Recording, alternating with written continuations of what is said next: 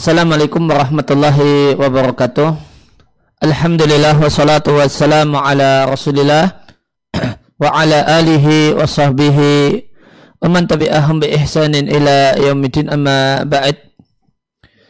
Kaum muslimin dan muslimah rahimani wa rahimakumullah. Kajian pengantar kita sebagaimana biasa adalah kitab Fikul Usrah karya tim ilmiah di Muassasah Turar Asaniyah. Ya. Di, dan di pertemuan yang lewat telah kita ya, bacakan tentang prinsip-prinsip utama terwujudnya rumah tangga bahagia. Telah kita bahas tiga prinsip yang pertama, membangun rumah tangga dengan asas takwa kepada Allah Azza wa Jalla. Kemudian yang kedua, ya, ya, dalam pola interaksi yang dibangun bukan hanya adil, yaitu menunaikan hak dan ya, menunaikan kewajiban dan meminta hak. Namun, ya, pola interaksi yang dibangun adalah fadl yaitu berbuat baik kepada pasangan ya, tidak menuntut hak sepenuhnya dan banyak toleransi berkenaan dengan uh, hak dirinya. Kemudian yang ketiga adalah ya, al-isratu bil ma'rufi mempergauli pasangan dengan baik. Ya.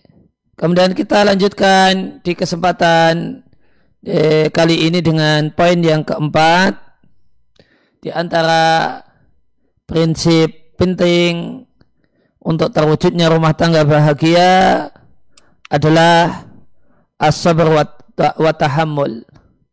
Bersabar dan eh, dan bersabar menghadapi kekurangan pasangan dan hal-hal yang tidak nyaman yang didapatkan dari pasangan.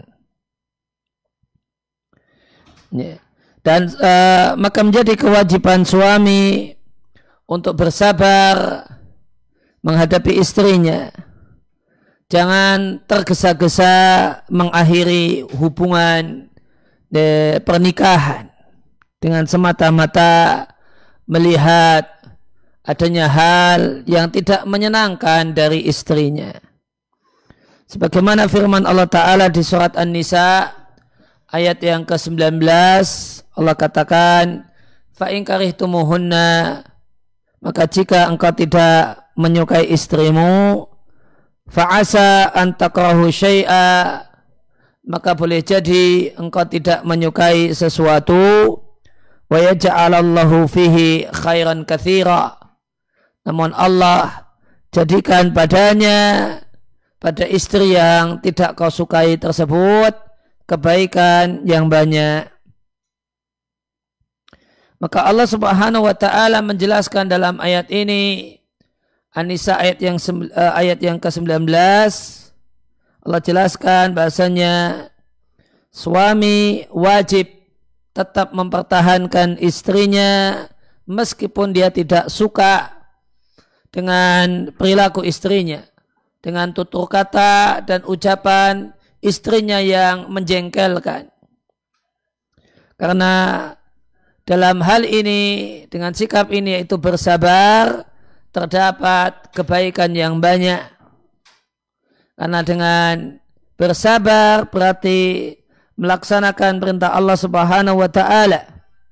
Karena dengan bersabar berarti menerima wasiat Allah Subhanahu wa taala. Yang wasiat tersebut adalah sumber kebahagiaan dunia dan akhirat. Di samping itu, ketika suami itu memaksa dirinya, ya, ketika suami itu mengkondisikan dirinya dan berdamai dengan dirinya, ya, untuk bisa menerima istrinya padahal dia tidak menyukai istrinya, maka di sini terdapat aktivitas mulia, yaitu berjihad melawan diri sendiri. Maka di sini terdapat satu hal yang istimewa, yaitu berakhlak mulia, ya, ya, yaitu berakhlak mulia meskipun dalam keadaan hati sebenarnya kurang suka.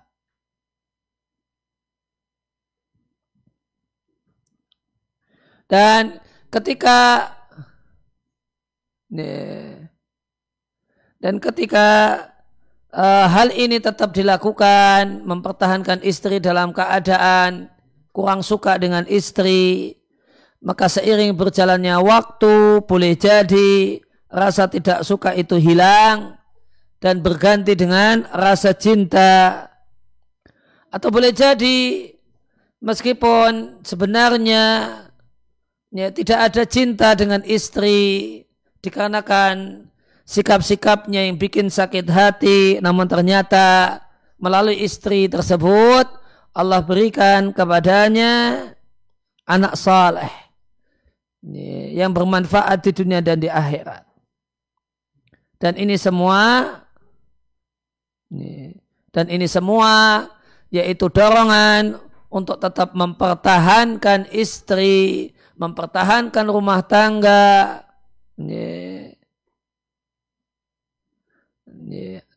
dan untuk bersabar tentang dan selalu bersabar ini semua uh, dengan syarat manakala masih tetap masih memungkinkan selama masih kuat dan tidak ada uh, hal bahaya yang dikhawatirkan dengan tetap bersabar. Kemudian prinsip yang kelima atau yang terakhir untuk eh, tetap baiknya rumah tangga untuk bahagia kebahagiaan rumah tangga adalah as-sulh adalah damai. Yang damai ini berarti mengalah. Ya, tidak ada damai jika dua pihak masing-masing ngotot dengan tuntutannya Ya, maka damai artinya ada yang rela ya, haknya tidak terpenuhi secara utuh dan maksimal. Maka tidaklah diragukan bahasanya damai yang berarti mengalah ketika terjadi perselisihan dan keributan dengan pasangan itu lebih baik dibandingkan masing-masing tetap ngotot agar mendapatkan haknya secara utuh 100%. Ya, maka damai lebih baik. Ya, untuk kebaikan rumah tangga, untuk kebaikan anak-anak. Ya, damai artinya rumah tangga tetap utuh. Ya, meskipun uh, harus ada hal-hal yang direlakan. Ya. Nah, kenapa damai itu lebih baik? Karena dengan damai berarti kita latih jiwa kita untuk memiliki jiwa yang lapang. Dan karena dengan damai berarti kita mempertahankan, tetap mempertahankan rumah tangga yang ada dan melanggengkan uh, interaksi antara suami dan istri. Dan Allah Azza wa Jalla berfirman, di surat An-Nisa ayat yang ke-128 wasulhu khair. Ketika terjadi sengketa suami istri perselisihan suami istri maka sadarilah bahwasanya damai itulah yang lebih baik. Ya. maka di, surat, di potongan surat An-Nisa ayat yang ke-128 ini terdapat satu kaidah agung yang dijelaskan oleh Allah Subhanahu wa taala Ya, maka berdasarkan ya, kaidah ini jangan ada orang yang berprasangka bahasanya mengalah itu berarti kalah. Ya, damai berarti mengalah. Jangan di jangan beranggapan bahasanya ya uh, mengalah berarti kalah. Bahkan manakala kita mengalah sehingga terwujud damai maka boleh jadi kesudahannya ya, adalah kesudahan yang ter, eh, kesudahan yang membahagiakan. Yang jelas kita sebagai seorang muslim berkeyakinan bahasanya apa yang Allah katakan di surat An-Nisa ayat yang ke-128 bahasanya damai ketika suami istri itu berselisih itu yang lebih baik itu satu hal yang benar adanya. Dan kebaikan itu satu hal yang dicari oleh setiap dan diinginkan oleh setiap orang yang berakal. Ya, inilah uh, lima prinsip penting untuk uh, untuk langgengnya dan baiknya ya rumah tangga kita masing-masing. Kemudian uh, poin selanjutnya ya, yang ingin disampaikan dalam kesempatan kali ini adalah pengertian nikah, hukum dan hukumnya. Dalam bahasa Arab, ya, nikah itu maknanya adalah ya, bergabung dan menyatu. Ya. Sedangkan secara istilah, menikah artinya adalah satu akad, satu kesepakatan, satu transaksi yang buahnya adalah halalnya seorang laki-laki untuk bersenang-senang dengan seorang perempuan dan sebaliknya. Bersenang-senang dengan seorang perempuan yang boleh dinikahi. Tidak ada faktor penghalang yang menghalangi untuk menikahi wanita tersebut. Kemudian tentang hukum nikah atau hukum menikah.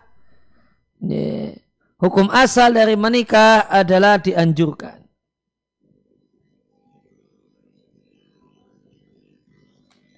Dan ini satu hal yang disepakati oleh empat madhab ya, yang ada. Maka madhab Hanafi, Maliki, Syafi'i dan Hambali semuanya mengatakan bahasanya hukum asal menikah itu dianjurkan. Dan hal ini satu hal yang menjadi pendapat mayoritas para ulama. Ya, meskipun hukum asalnya itu dianjurkan, namun hukum menikah ini bisa mengalami lima hukum.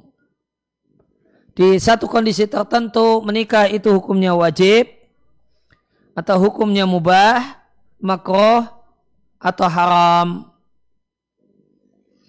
Menikah itu hukumnya wajib untuk orang yang mengkhawatirkan jika tidak menikah dia terjumus dalam zina.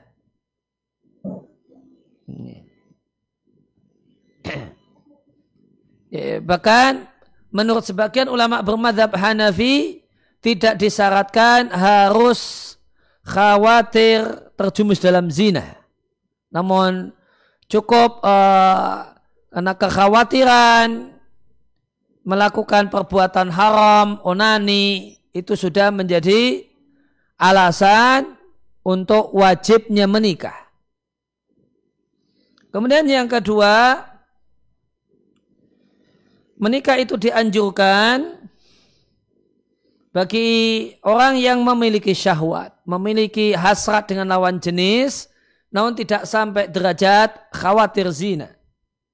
Dan dia dengan dan tujuannya, motivasinya untuk menikah adalah ya, tahsinan dalam rangka untuk membentengi diri dan dalam rangka berharap mendapatkan keturunan. Kemudian yang ketiga, menikah itu hukumnya haram untuk orang yang yakin kalau dia akan zalim setelah dia menikah. Dia akan zalim kepada istrinya setelah dia menikah. Dia tidak akan menafkahi istrinya, dia tidak akan ngurusi istrinya, Eh, dia tidak akan memenuhi kebutuhan biologis istrinya. Maka padahal istrinya itu punya kebutuhan, bahkan kebutuhan besar untuk biolog, uh, untuk kebutuhan biologis. dan dia yakin tidak bisa mewujudkannya. Sehingga yang terjadi adalah kezaliman. Maka siapa yang yakin ya, dampak dari atau dengan menikah terjadi kezaliman, maka menikah hukumnya haram.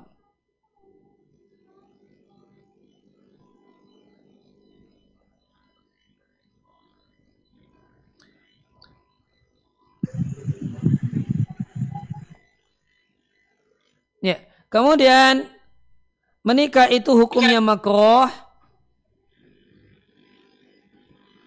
untuk di malam yajid uhbatan bagi orang yang ya, belum memiliki persiapan atau dia ya, ada pada dirinya atau dia adalah seorang yang tidak memiliki kemampuan ya, tidak memiliki kemampuan untuk melakukan hubungan badan.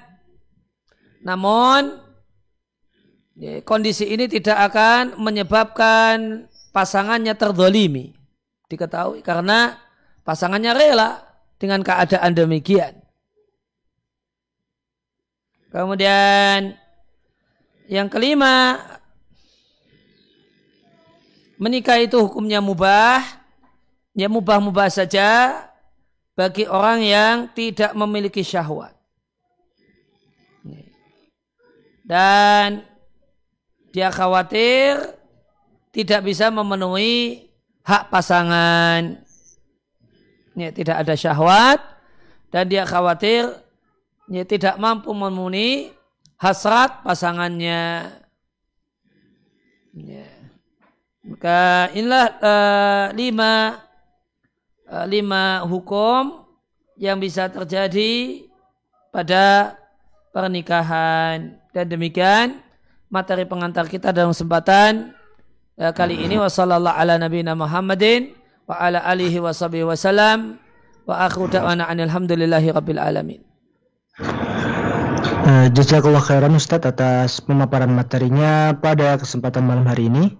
Alhamdulillah sobat muslim telah kita dengarkan bersama pemata, pemaparan materi yang disampaikan oleh Ustaz Aris Munandar Hafizullah Ta'ala pada kesempatan kali ini dan kita buka di sesi interaktif ya sobat muslim di mana sesi ini kepada sobat muslim dapat mengirimkan pertanyaan lewat chat SMS ataupun WhatsApp di nomor kami di 0823 2727 5333.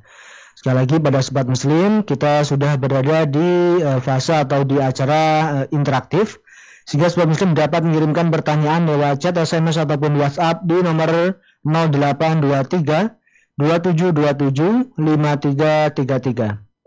Baik Ustaz kita bacakan pertanyaan yang masuk Ustaz. Ya. Bismillah. Assalamualaikum Ustaz. Waalaikumsalam warahmatullahi Ustadz, bagaimana kami menasihati anak dengan baik yang kebetulan sekarang sudah menginjak dewasa dan terkadang susah? Apakah boleh dimarahi? Bagaimana yang terbaik nasihatnya Ustadz untuk anak yang sudah terlanjur dewasa umur umurnya? Ya, uh, tentu kaidah dalam masalah nasihat adalah arif kuwalin lemah lembut ya, maka ya, semestinya yang memberikan nasihat adalah yang memiliki kedekatan.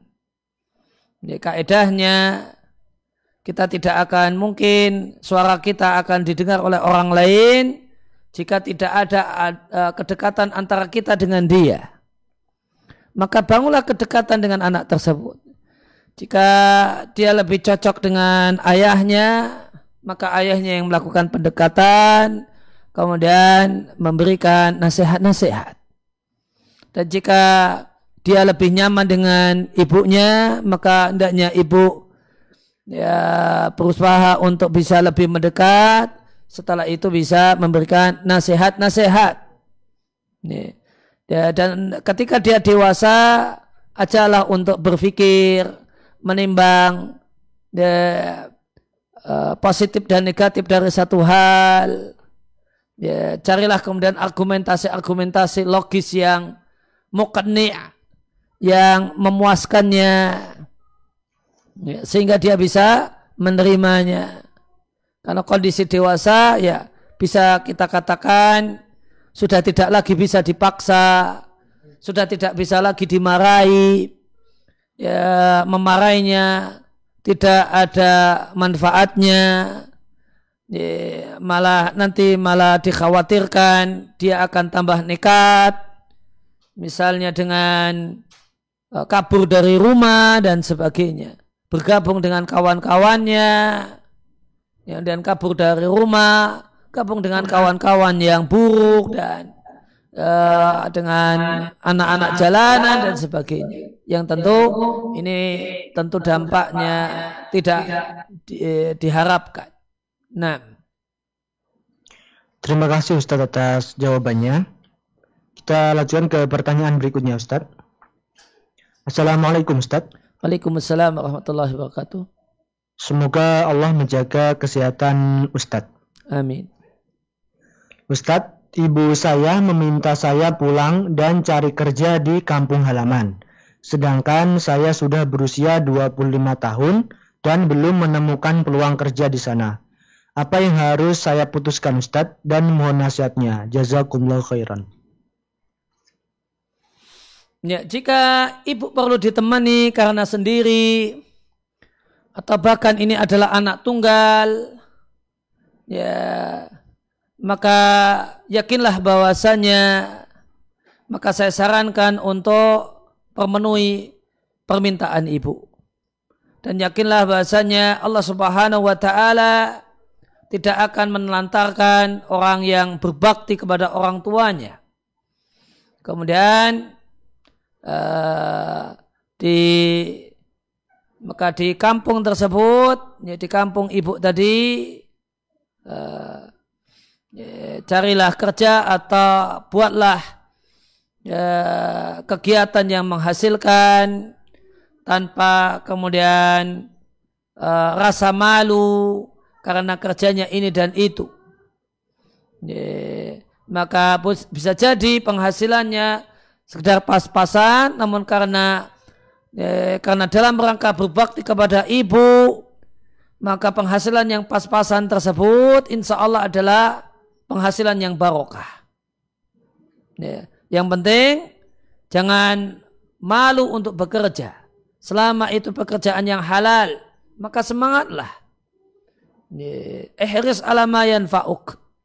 Sabda Nabi Sallallahu Alaihi Wasallam, semangatlah untuk melakukan semua hal yang manfaat. Di antaranya adalah kerjaan yang bermanfaat. Yaitu pekerjaan yang menghasilkan dan halal. Ya, pekerjaan yang menghasilkan dan itu halal. Ya, maka itu bagian dari hal yang manfaat yang Nabi perintahkan agar kita antusias untuk melakukannya. Nah. Terima kasih Ustaz atas jawabannya. Kita lanjutkan ke pertanyaan berikutnya Ustaz. Ini ada pertanyaan, cuma ada cerita yang cukup panjang Ustaz. Bisa di diringkas? Nah Ustaz. Jenengan ringkas ya. Ya Ustaz. Uh, Bismillah. Assalamualaikum Ustaz. Wa ilaikum. Ustaz, bagaimana jalan keluar atau hukumnya? Ada istri yang istri ini tidak bisa berubah menurut penilaian suami dan si istri sendiri mulai berpikir demikian pernah bertengkar, lalu solusinya membuat daftar hal-hal yang harus diubah dari sikap istri ke suami, yaitu bagaimana cara menyenangkan suami, hal-hal yang tidak disukai suami, dan lain-lain. Si istri e, ternilai oleh suami tidak bisa berubah, lalu sekarang si istri mulai berpikir demikian. Bahkan salah satu kesalahan si istri ini adalah menghilangkan daftar itu. Sekarang si istri juga bingung karena list itu hilang dan semangat istri untuk berubah pun mulai hilang. Istri ini berpikir untuk cerai karena kejadian ini suka berulang. Dan karena jika diteruskan takut malah berdosa ke suami. Dengan memikirkan usianya masih muda 23 tahun bisa menabung amal untuk masuk surga dengan cara yang lain. Selain cara menjadi istri karena si istri ini dia sudah merasa gagal menjadi istri dan ibu satu anak 20 bulan. Tetapi jika bercerai, si istri ini tidak akan melupakan anak. Apakah lebih baik istri ini bercerai dan menjadi wanita yang fokus belajar karena istri berpikir ini lebih baik karena lebih banyak waktu luang didapat jika tanpa jika tanpa suami.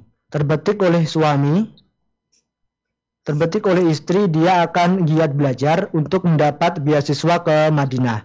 Sambil bekerja mendapatkan uang, diberikan ke orang tua dan anaknya, berwakaf sumur atau sungai dan lain-lain, untuk menyeimbangkan dosa-dosanya selama berstatus istri di masa lalu, sembari bertaubat dan istighfar. Apakah keputusan istri ini benar Ustadz? Menurut Ustadz bagaimana? Jazakumullah khairan.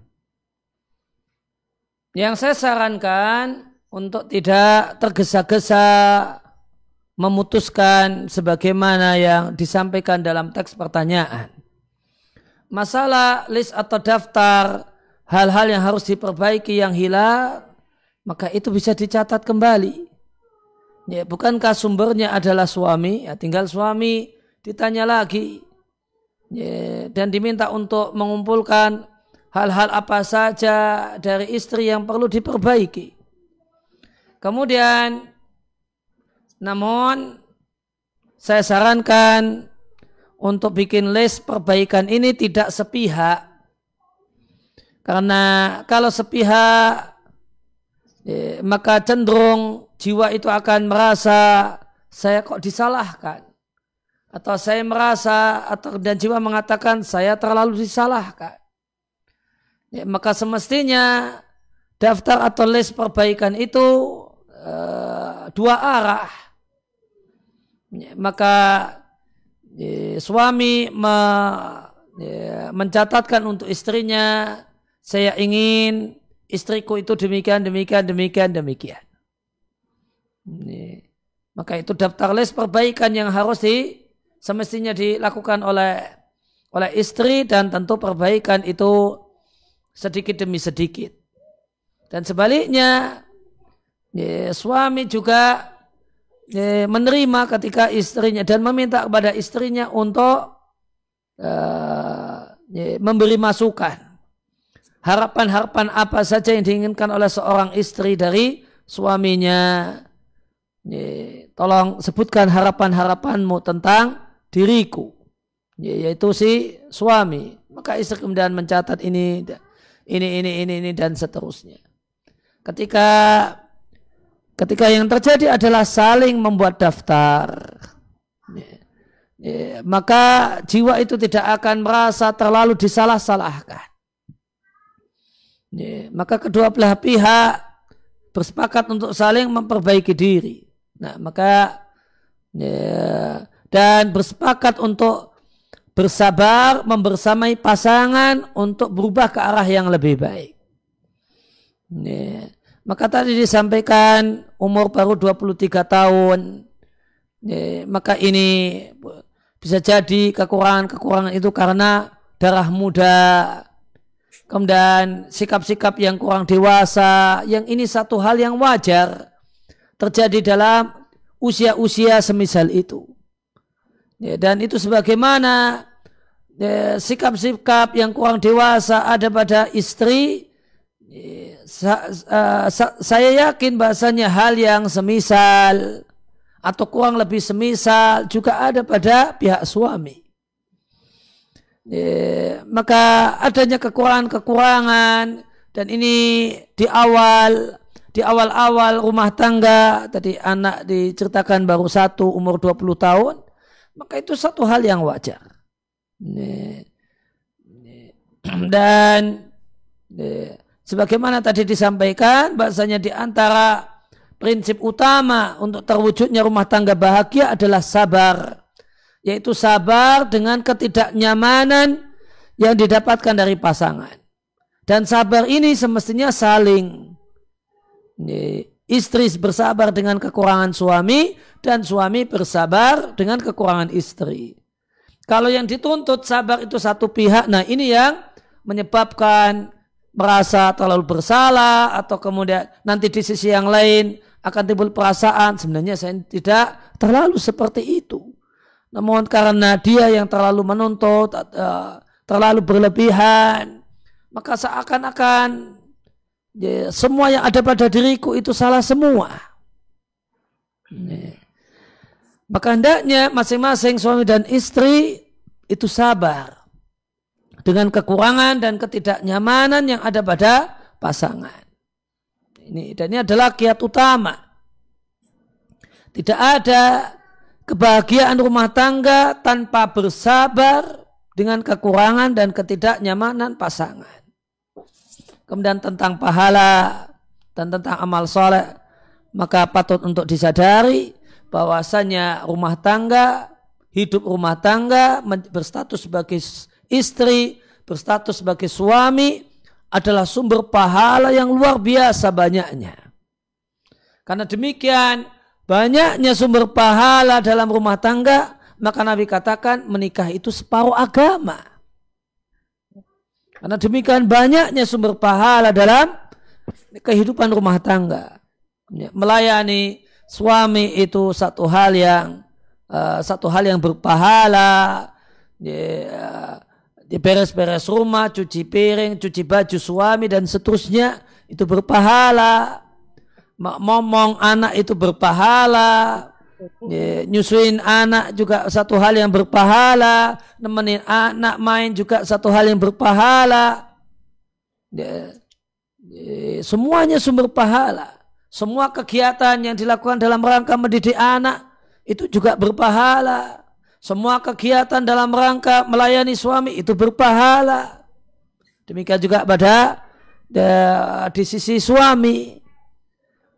Maka suami menyadari semua kegiatan mendidik anak, membantu istri atau bersama istri mendidik dan merawat anak satu hal yang berpahala.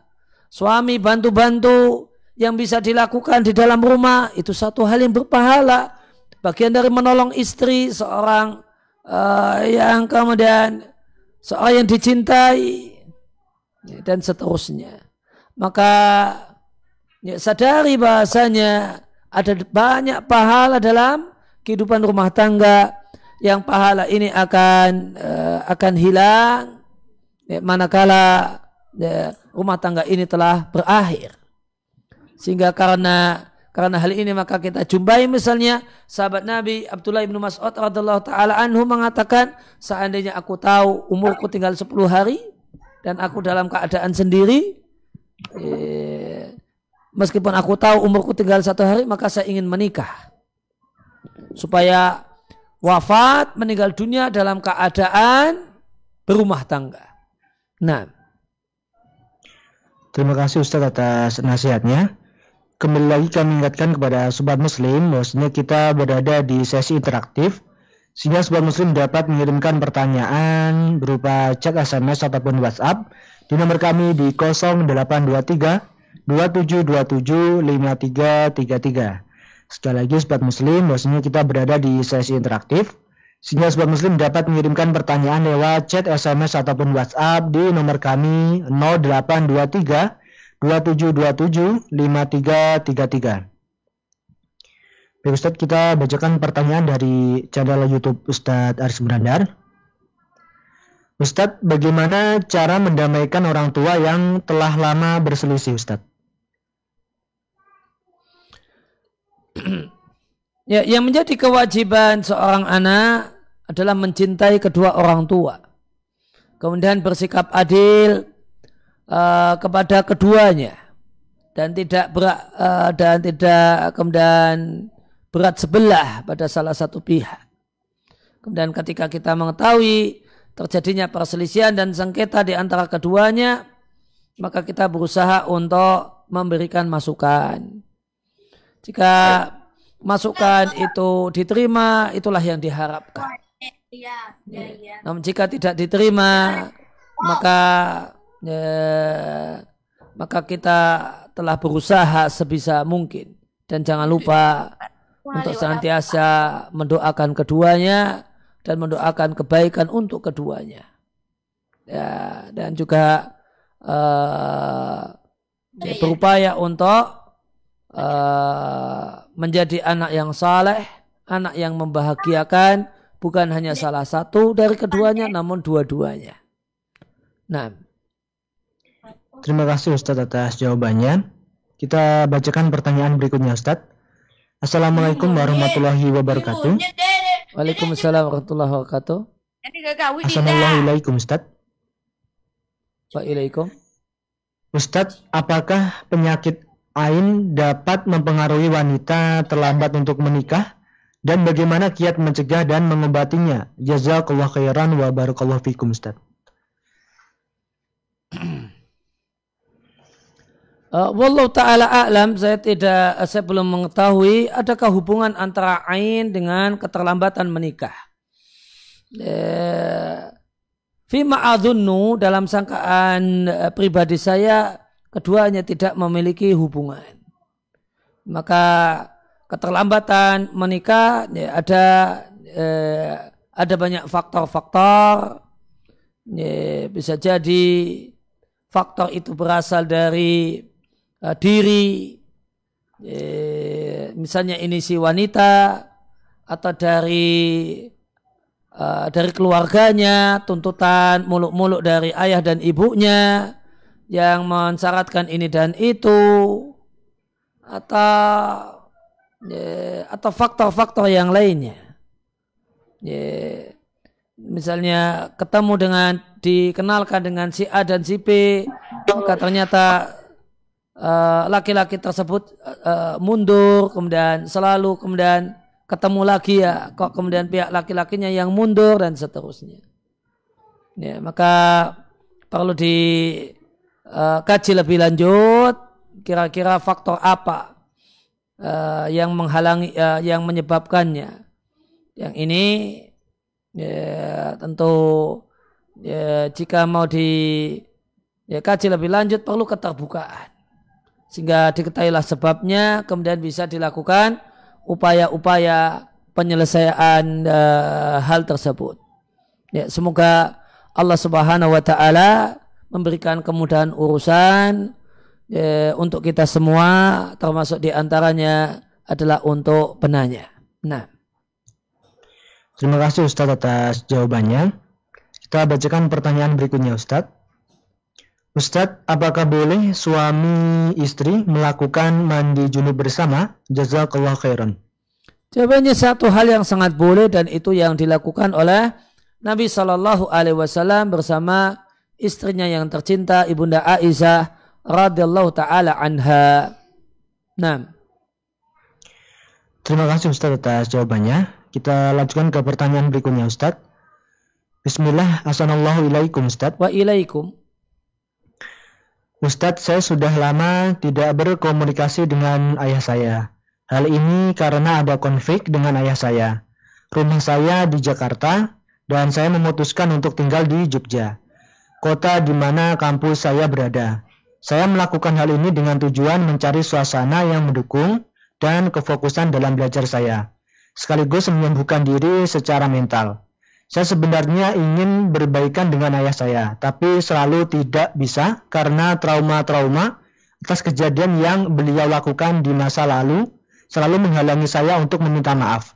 Terlebih kesalahan yang ayah saya lakukan ini tidak sekali dua kali, tetapi berkali-kali dan menimbulkan trauma yang cukup dalam untuk anak-anak beliau.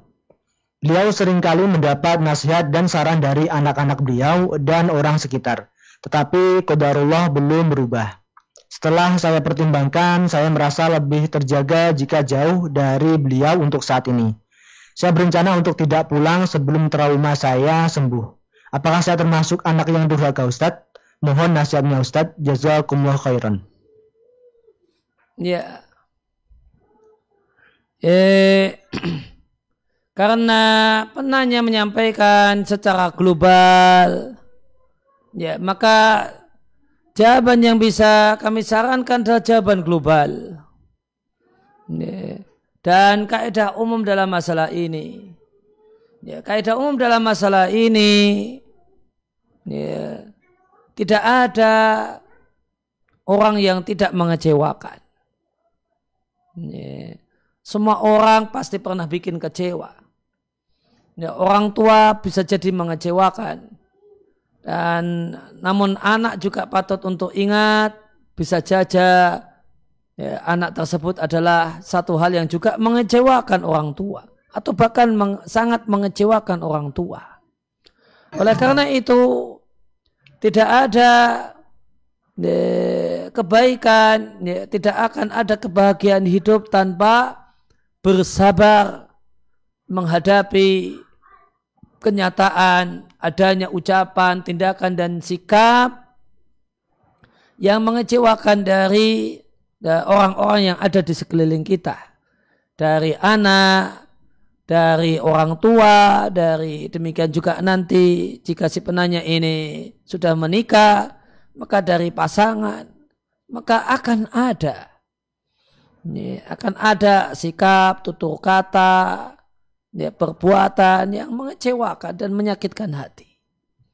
Maka orang tidak akan bisa hidup bahagia di dunia ini tanpa lapang dada, tanpa memiliki jiwa besar, tanpa memiliki sabar yang ya, tidak ada batasnya. Itu kiat hidup bahagia. Jika dengan hal tersebutlah maka orang yang beriman itu menakjubkan sebagaimana sabda Nabi sallallahu alaihi wasallam. Ajaban li amril mu'min inna amrahu kullahu lahu khair wa laysa dzalika li ahadin illa li mu'min. Orang yang beriman itu menakjubkan. Kenapa menakjubkan? Karena hidupnya bahagia. Karena dia hidupnya bahagia.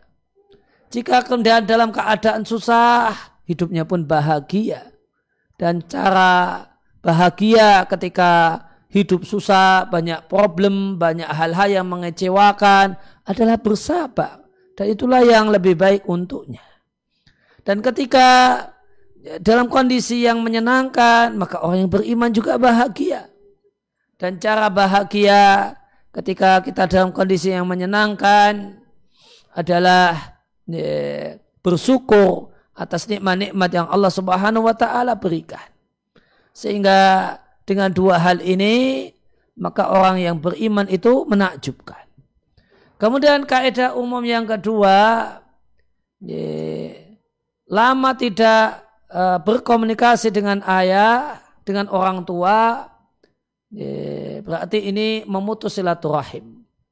Dan berbakti kepada orang tua adalah silaturahim yang paling silaturahim. Maka tidak boleh demikian. Ya, tidak boleh demikian. Wajib tetap apa pun yang terjadi dia adalah ayah. Apa pun yang terjadi dia adalah ayah. Maka wajib tetap ada hubungan. Meskipun hubungan tersebut sekedar hubungan formalitas. Sekedar menyapa dan basa-basi dan jika belum memungkinkan untuk komunikasi secara langsung, saya, saya sarankan untuk komunikasi secara tidak langsung, misalnya dengan mengirim hadiah, ya, ya dengan mengirim hadiah dan di hadiahnya ada selembar uh, surat, ya, menyapa ayah meskipun kalau uh, mungkin tel, uh, komunikasi langsung via telepon masih belum nyaman namun tetap lakukan komunikasi. Tidak boleh dan putus komunikasi dengan orang tua sendiri. Nah. Terima kasih Ustaz atas nasihatnya. Kembali lagi kami ingatkan kepada sobat muslim Pastinya kita berada di sesi interaktif ya Sobat Muslim. Sehingga Sobat Muslim yang mungkin ada pertanyaan terkait uh, konsultasi seputar hukum keluarga ya. Dapat bertanya lewat chat, SMS, ataupun WhatsApp di nomor kami di 0823 2727 5333. Baik Ustaz, kita bacakan pertanyaan selanjutnya Ustaz. Assalamualaikum Ustaz. Waalaikumsalam warahmatullahi Ustadz, kriteria apa saja yang menjadikan wanita terkena ancaman ayat tentang istri yang tidak mencium bau surga jika meminta cerai tanpa alasan syari? Karena saya ketika bertengkar pernah beberapa kali berkata minta pisah, atau cerai kepada suami, tapi perceraian memang tidak terjadi dan kami berbaikan kembali. Apakah kondisi tersebut termasuk terkena ancaman tidak mencium bau surga bagi seorang perempuan Ustaz? Atau ancaman tersebut berlaku ketika alasan bercerai istri tidak syar'i dan memang perceraian pun terjadi? Ya, uh, jawabannya hadis uh, yang dimaksudkan menunjukkan bahwasanya uh, ancaman tersebut berlaku untuk semata-mata minta cerai. Meskipun perceraian tidak terjadi. Maka hadis ini adalah rem kuat dari syariat agar wanita, agar seorang istri yang merupakan seorang wanita ya, tidak mudah-mudah terbawa perasaan sehingga mudah untuk minta cerai. Kemudian mudah untuk minta cerai. Jadi tidak disyaratkan itu harus terjadi perceraian. Dosa untuk dosa minta cerai itu tidak disyaratkan harus terjadi perceraian. Meskipun tidak terjadi perceraian. Jadi itu dosanya adalah dosa lisan. Dengan syarat tidak ada alasan syar'i untuk meminta cerai. Kalau ada alasan syar'i untuk minta cerai tentu tidak termasuk dalam hadis. Nah. Terima kasih Ustaz atas jawabannya. Kita lanjutkan ke pertanyaan berikutnya Ustadz. Ustadz mohon penjelasannya. Paman saya non muslim. Meninggal dunia, tidak punya anak dan istri, dan tidak meninggalkan wasiat. Bagaimana status hartanya Ustadz? Apakah saudara-saudaranya yang muslim berhak, berhak atas hartanya? Barakallah jazakallah khairan Ustadz. Ya, ketika non muslim itu ketika ada seorang non muslim meninggal dunia dan ahli warisnya adalah muslim ya, maka ahli waris yang muslim ini tidak punya hak atas seluruh hartanya ya. Sebagaimana sabda Nabi Shallallahu Alaihi Wasallam yang diatkan oleh Al Bukhari dan Muslim. La yarisul muslim al kafira walal kafirul muslima. Ya, muslim itu tidak mewarisi hartanya non muslim dan non muslim tidak mewarisi hartanya muslim. Sehingga harta paman tersebut itu seluruhnya tidak diambil sedikit pun eh, tidak diambil sedikit pun oleh ahli waris yang muslim dan seluruhnya disalurkan untuk kegiatan sosial atau untuk kegiatan eh, sosial keagamaan dalam rangka untuk menyingkirkan harta yang tidak menjadi hak kita. Nah, Terima kasih Ustadz atas jawabannya. Kita bacakan pertanyaan yang masuk berikutnya Ustadz. Ustadz, bagaimana cara mendidik anak agar tidak terpengaruh di luar lingkungan? Ya inilah uh, inilah yang berat di di zaman ini. Hakikat pendidikan kita bersaing dengan lingkungan, lingkungan pergaulannya. Ya, maka jika ya, jika cara yang terbaik tentunya adalah membangun kedekatan dan membangun kepercayaan ya, di mana anak itu dikondisikan dekat dengan orang tuanya sehingga hanya mendengar ya, dan nomor satukan saran dan masukan dari orang tuanya. Demikian juga membangun kepercayaan. Dia yakini bahasanya orang tuanya itu adalah orang yang pintar, orang yang hebat, orang yang ini dan itu. Ya, orang yang tahu banyak hal dan orang tuanya adalah orang tua yang membanggakan. Maka dengan hal tersebut eh, maka anak akan Ya, akan mengutamakan dan menomorsatukan saran dan masukan dan informasi yang berasal dari orang tuanya sendiri. Nah. Terima kasih Ustadz atas jawabannya. Kita bacakan pertanyaan berikutnya Ustadz. Assalamualaikum Ustadz. Waalaikumsalam warahmatullahi Bolehkah kami melepas putri kami dengan seorang laki-laki yang datang melamar Eh, dia mengaku ahlu sunnah tapi mencukur jenggot Ustadz. Bolehkah kami melepas putri kami? Mohon jangannya Ustadz. Tolak ukur ahlu sunnah dan bukan itu ya, ahlu sunnah dalam hal ini adalah ahlu sunnah berkenaan dengan akidah. Maka tolak ukurnya adalah akidah dan eh, sehingga semata-mata semata-mata kondisi jenggotnya kemudian tidak bisa jadi alasan oh ini pengakuannya pengakuan yang tidak benar. Ini, maka bisa jadi kita kita katakan dia adalah seorang sebagaimana pengakuannya seorang ahlu sunnah namun dia punya kesalahan atau kekeliruan atau salah paham sehingga dia memilih untuk melakukan apa yang tadi telah disebutkan. Ya. Apakah kemudian layak orang semacam ini dijadikan sebagai menantu? Maka jawabannya pastikan dia adalah seorang yang punya rasa takut kepada Allah Subhanahu wa taala dan seorang yang berakhlak mulia. Ini sebagaimana uh, ditanyakan kepada Al Hasan bin Ali. Ini, uh, ada seorang ayah bertanya kepada Al Hasan bin Ali. Kepada siapakah kunikahkan putriku? Ini, pada siapakah kunikahkan putriku? Artinya siapakah yang layak aku jadikan sebagai menantu?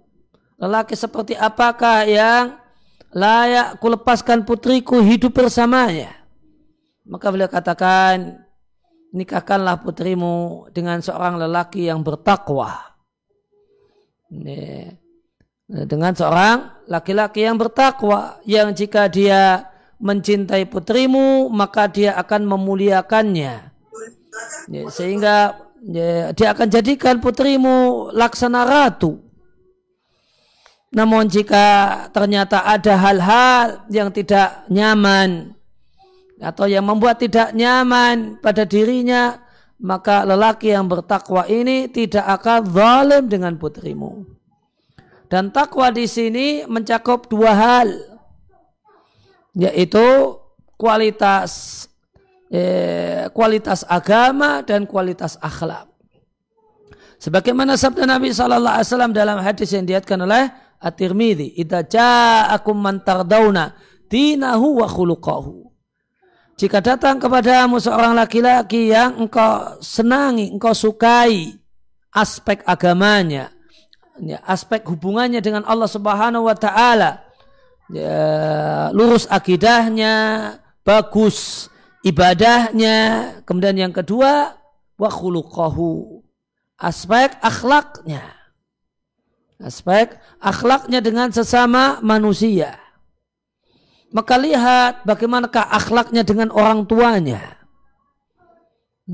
Orang yang berjasa dalam hidupnya. Jika dia bukalah anak yang ya, bukalah seorang anak yang berbakti kepada orang tuanya, maka kita katakan jika kepada orang tua yang berjasa saja tidak bisa berbuat baik, maka bagaimanakah dengan orang lain? Kemudian coba selidiki gimana keadaannya ketika marah. Karena akhlak seseorang itu diketahui ketika dia marah. Nih. Maka ketika dia marah masih berta masih bisa dan sangat bisa bertutur kata yang lembut ketahuilah dia adalah seorang yang lembut.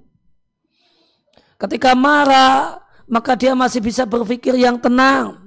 Maka bagaimanakah kalau dia tidak dalam kondisi marah?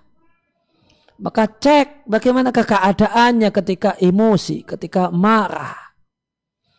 Apakah dia adalah seorang yang meledak-ledak amarahnya tanpa kendali? Kalau marah maka banting ini, banting itu jungkir balikkan ini, jungkir balikkan itu. Mukul ini, mukul itu. Apakah kalau dia orang, orang yang marah adalah orang yang tidak bisa uh, mengendalikan tangan dan kakinya? Bagaimanakah kemampuannya mengendalikan lisan dan tulisan saat dia marah? Kalau ternyata, masya Allah, marahnya itu tenang gitu, marahnya itu cakep, marah saja belum masih ganteng gitu. Ya, marah saja karena orang itu kalau ketika marah itu gantengnya hilang. Nih, kalau nggak percaya ada orang marah itu suruh uh, berkaca gitu.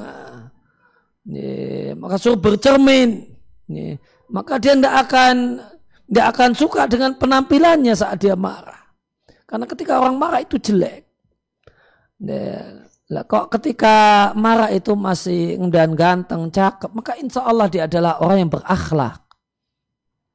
Ya, dia adalah orang yang berakhlak.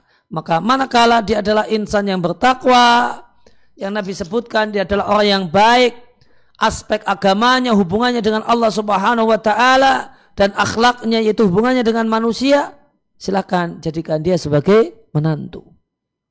Nah. Terima kasih Ustaz atas nasihatnya. Kita lanjutkan ke pertanyaan yang masuk berikutnya Ustaz. Bismillah izin bertanya Ustaz nama depan saya diambil dari tokoh pewayangan. Dan setelah saya telusuri, nama tersebut juga bermakna titisan dewa tertentu di suatu agama. Apakah wajib bagi saya untuk mengubahnya Ustadz? Andai kata tidak disetujui orang tua, apakah yang harus saya lakukan? Uh, maka yang jadi tolak ukur adalah uh, makna budaya. Ketika kata tersebut disebutkan, maka apa makna budaya yang ditangkap oleh orang-orang? Apakah maknanya makna yang buruk ataukah tidak? Kalau selama maknanya bukan makna yang buruk, maka tidak mengapa uh, dan tidak kemudian uh, apa uh, identik dengan keburukan, maka tidak mengapa dipertahankan. Nah. Terima kasih Ustadz atas jawabannya. Mungkin ini pertanyaan terakhir Ustadz pada kesempatan malam hari ini yang nanti Ustadz juga bisa tutup untuk kajian pada malam hari ini Ustadz. Assalamualaikum Ustadz. Waalaikumsalam warahmatullahi. Ustadz, apakah tidak menuruti kemauan suami? Ya. Ustadz, apakah tidak menuruti kemauan istri termasuk menzalimi istri? Yang termasuk kezalim, menzalim istri adalah tidak memenuhi kebutuhan istri. Bedakan antara kebutuhan dan keinginan. Kalau itu satu hal yang menjadi kebutuhan, sebagai seorang istri maka tidak memberikan kebutuhannya adalah kezaliman. Kebutuhannya masalah hubung, uh, kebutuhan biologis, masalah kebutuhannya masalah uh, keperluan makannya, kemudian sandangnya, kemudian tempat tinggalnya, jika tidak dipenuhi, maka itu kezaliman. Namun jika sekedar itu keinginannya, keinginannya untuk wisata ke sana dan kemari, maka tidak memenuhinya bukalah bagian dari kezaliman. Dan demikian yang uh, yang bisa dikaji dalam kesempatan uh, kali ini. Mudah-mudahan bermanfaat untuk saya pribadi dan bapak dan ibu sekalian. Sebelum diakhiri kami ucapkan terima kasih atas kehadiran dan perhatian Bapak dan Ibu sekalian. Semoga kehadiran kita di kelas virtual ini Allah catat sebagai amal soleh, amal ibadah yang memperberat timbangan kebajikan kita di sisi Allah Subhanahu wa taala. Di hari tidaklah bermanfaat harta dan anak kecuali orang yang menghadap Allah dengan hati yang bersih dan amal yang soleh. Dan kami ucapkan terima kasih sedalam-dalamnya kepada kru Radio Muslim Yogyakarta dan Haku TV dan semua pihak yang uh, memiliki kontribusi untuk berjalannya uh, acara ini dengan baik. Jazakumullahu khairan.